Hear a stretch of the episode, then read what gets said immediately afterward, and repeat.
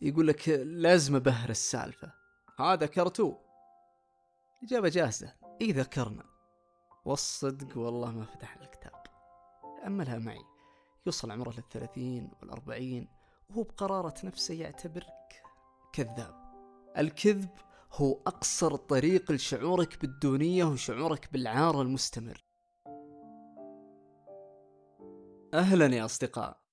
تسمعون البودكاست على الرف. وأنا خالد مساعد.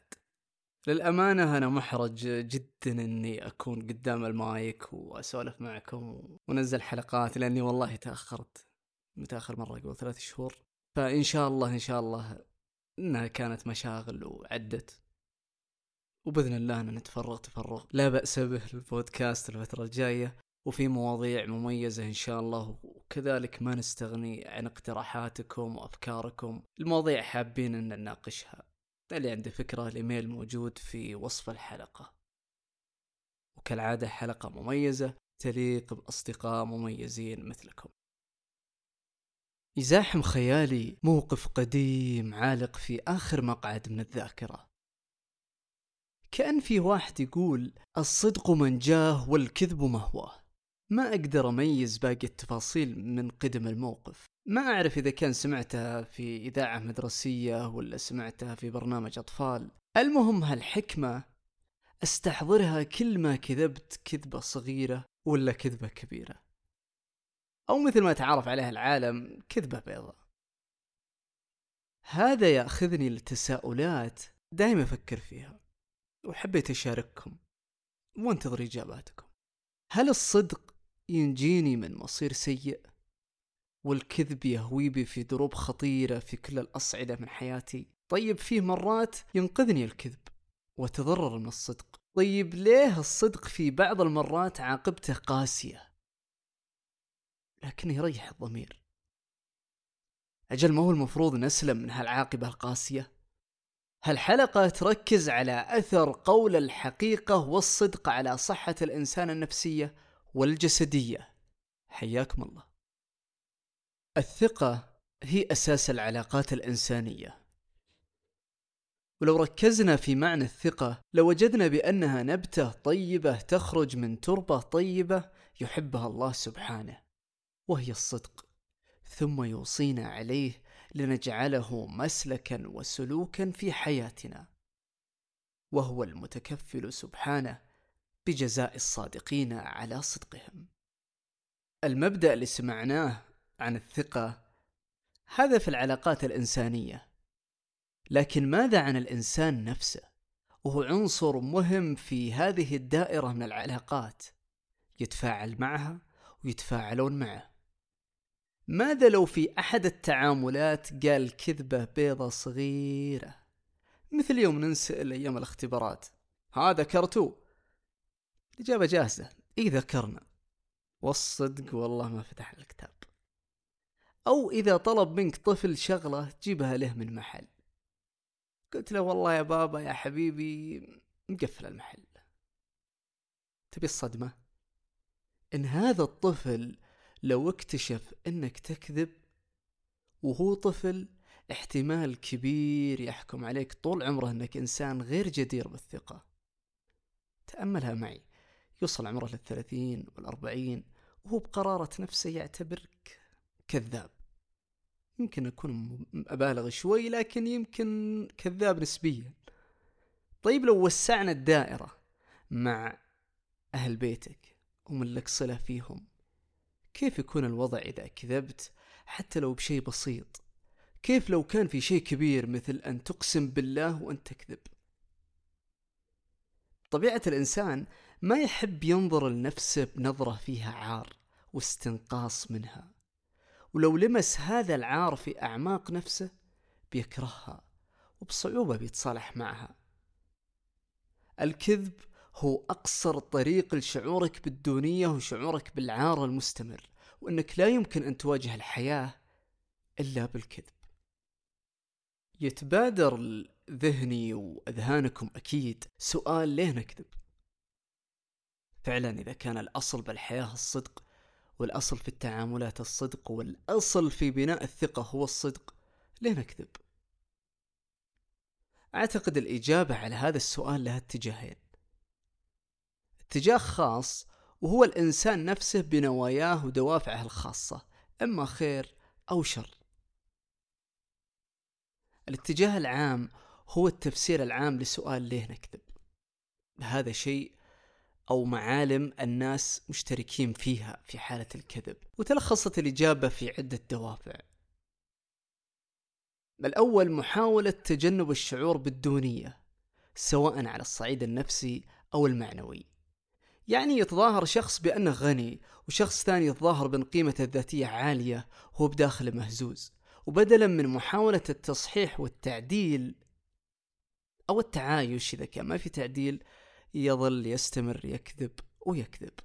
الثانية يحس إنه مستانس ومبسوط وهالسعادة اللي يحققها له الكذب هي مكافأته اللي ينتظرها. ثلاثة إثارة إعجاب الناس ومحبتهم له. وياما وياما انخدعنا بمثل هالشخصيات. تخدعنا مظاهرهم وألسنتهم وهم يكذبون في كل شيء.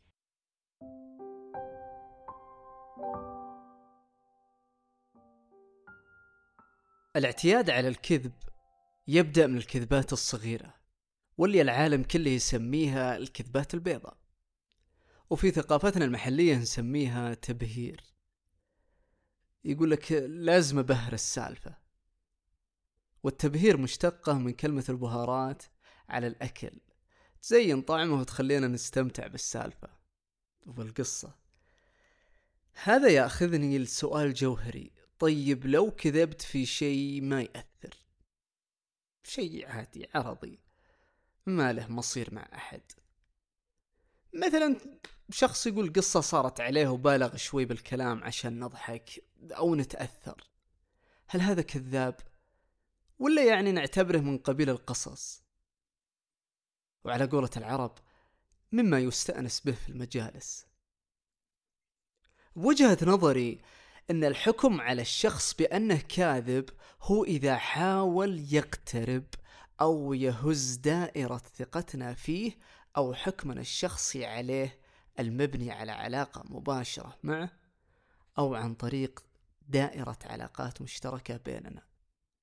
باختصار مثل ما نقول لا تلمس لي طرف. هي كذا تلمس لي طرف فيه فيه ارتباط بالكذب وانعدام الثقة أنت كاذب. والحين جاء دور السؤال الجوهري اللي بنينا عليه الحلقة. كيف الكذب يأثر على صحتنا؟ هي كلمة قلتها وراحت. طيب تأثر علي؟ بتعبني يعني؟ بتموتني؟ إيه بعض الكلمات تموت يعني من الآخر. هذا التساؤل جاوب عليه الدكتور كريس أليدس وهو كاتب في الصحة العامة. يقول إن الكذب يأثر على صحة الإنسان والتأثير هذا يكون عن طريق زيادة الضغط النفسي والعصبي. يعني الواحد يكذب ثم يعيش بضغط وخوف إن كذبته تنكشف وبعدها ينفضح. الكذب له ضريبة جسدية وعاطفية وفي نفس الوقت يأثر على الكفاءة العقلية والتفكير بشكل منتظم. وبهالخصوص في دراسة أجريت على عينة من المجتمع الأمريكي. قسموا هالعينة إلى مجموعتين. اطلبوا من مجموعة أنهم يمتنعون عن الكذب لمدة عشر أسابيع. والمجموعة الثانية قالوا لهم عيشوا حياتكم مثل ما أنتم. خذوا راحتكم. المجموعة الأولى لاحظوا الفرق في علاقاتهم مع عائلاتهم وأصدقائهم وحسوا بشعور الأمانة تجاههم. بعد الأسبوع الخامس من الامتناع عن الكذب. بس والله يقوى قلوبهم. يعني عشر أسابيع ما تكذب يبي لها صملة صراحة. آه، هنا ترى مو يا جماعة إن الموضوع ادعاء للفضيلة وان ما نكذب ولا إحنا كاذبين. لا بس إلا ما يطلع من الإنسان فلتة من فلتات اللسان. هذا أضعف شيء. ولا الإنسان اللي يمسك نفسه ويمتنع عن الكذب هذا إنسان فاضل. إنسان فاضل وخلوه يدعي, يدعي لنا. بإذن الله أنه مستجاب الدعوة.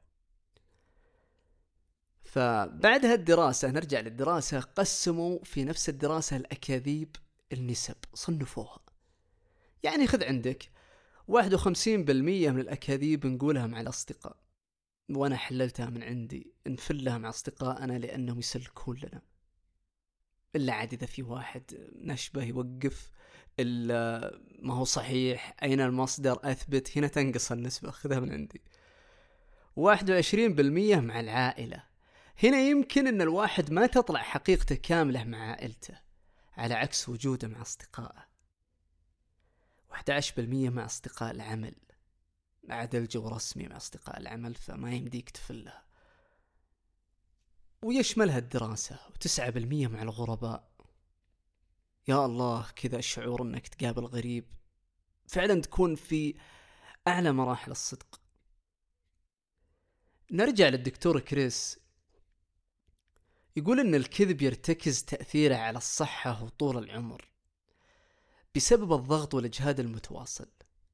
وللكذب ضريبة قاسية تدفعها الأجساد والمشاعر لأن الكذبة تأخذك الكذبة ثانية ثم تتكون دائرة من الإجهاد العصبي وملاحقة الكذبات ومحاولة تغطيتها والتكتم عليها وفي النهاية نلاقي صعوبة في إيقاف هالدائرة.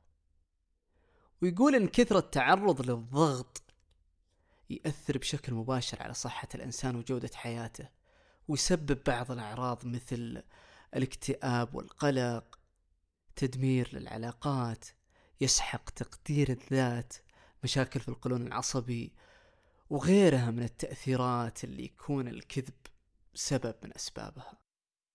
الإنسان ما يقدر يعيش في بيئة خالية من الأمان أو في أضعف الأحوال أمانها مهزوز.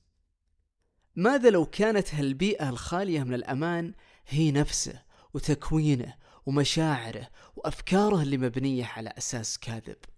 فهو تبرمج عقله على أنه يفكر بطريقة كاذبة ولسانه دائما ينطق بالكذب وتصرفاته تعكس الكذب هل بيعيش في أمان؟ أعلم جيدا أن لقول الصدق ضريبة وربما تكون قاسية لكنها مريحة للضمير أمام خالقنا ثم أنفسنا والناس والصادق هو إنسان جدير بالإخلاص والأمانة وصدق التعامل والثقة في عقله وقلبه.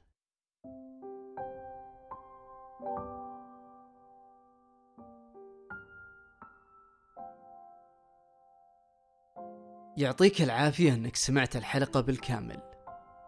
شاركها مع أصدقائك وعرفنا عليهم بتوصيتك للبودكاست ونشر حلقاته. لأن هذه بصراحة أفضل طريقة تسويقية أنك تنشر البودكاست. ممتن لكم جميعا. ولا تنسون تقييم البودكاست وكتابة تعليقات في المنصات.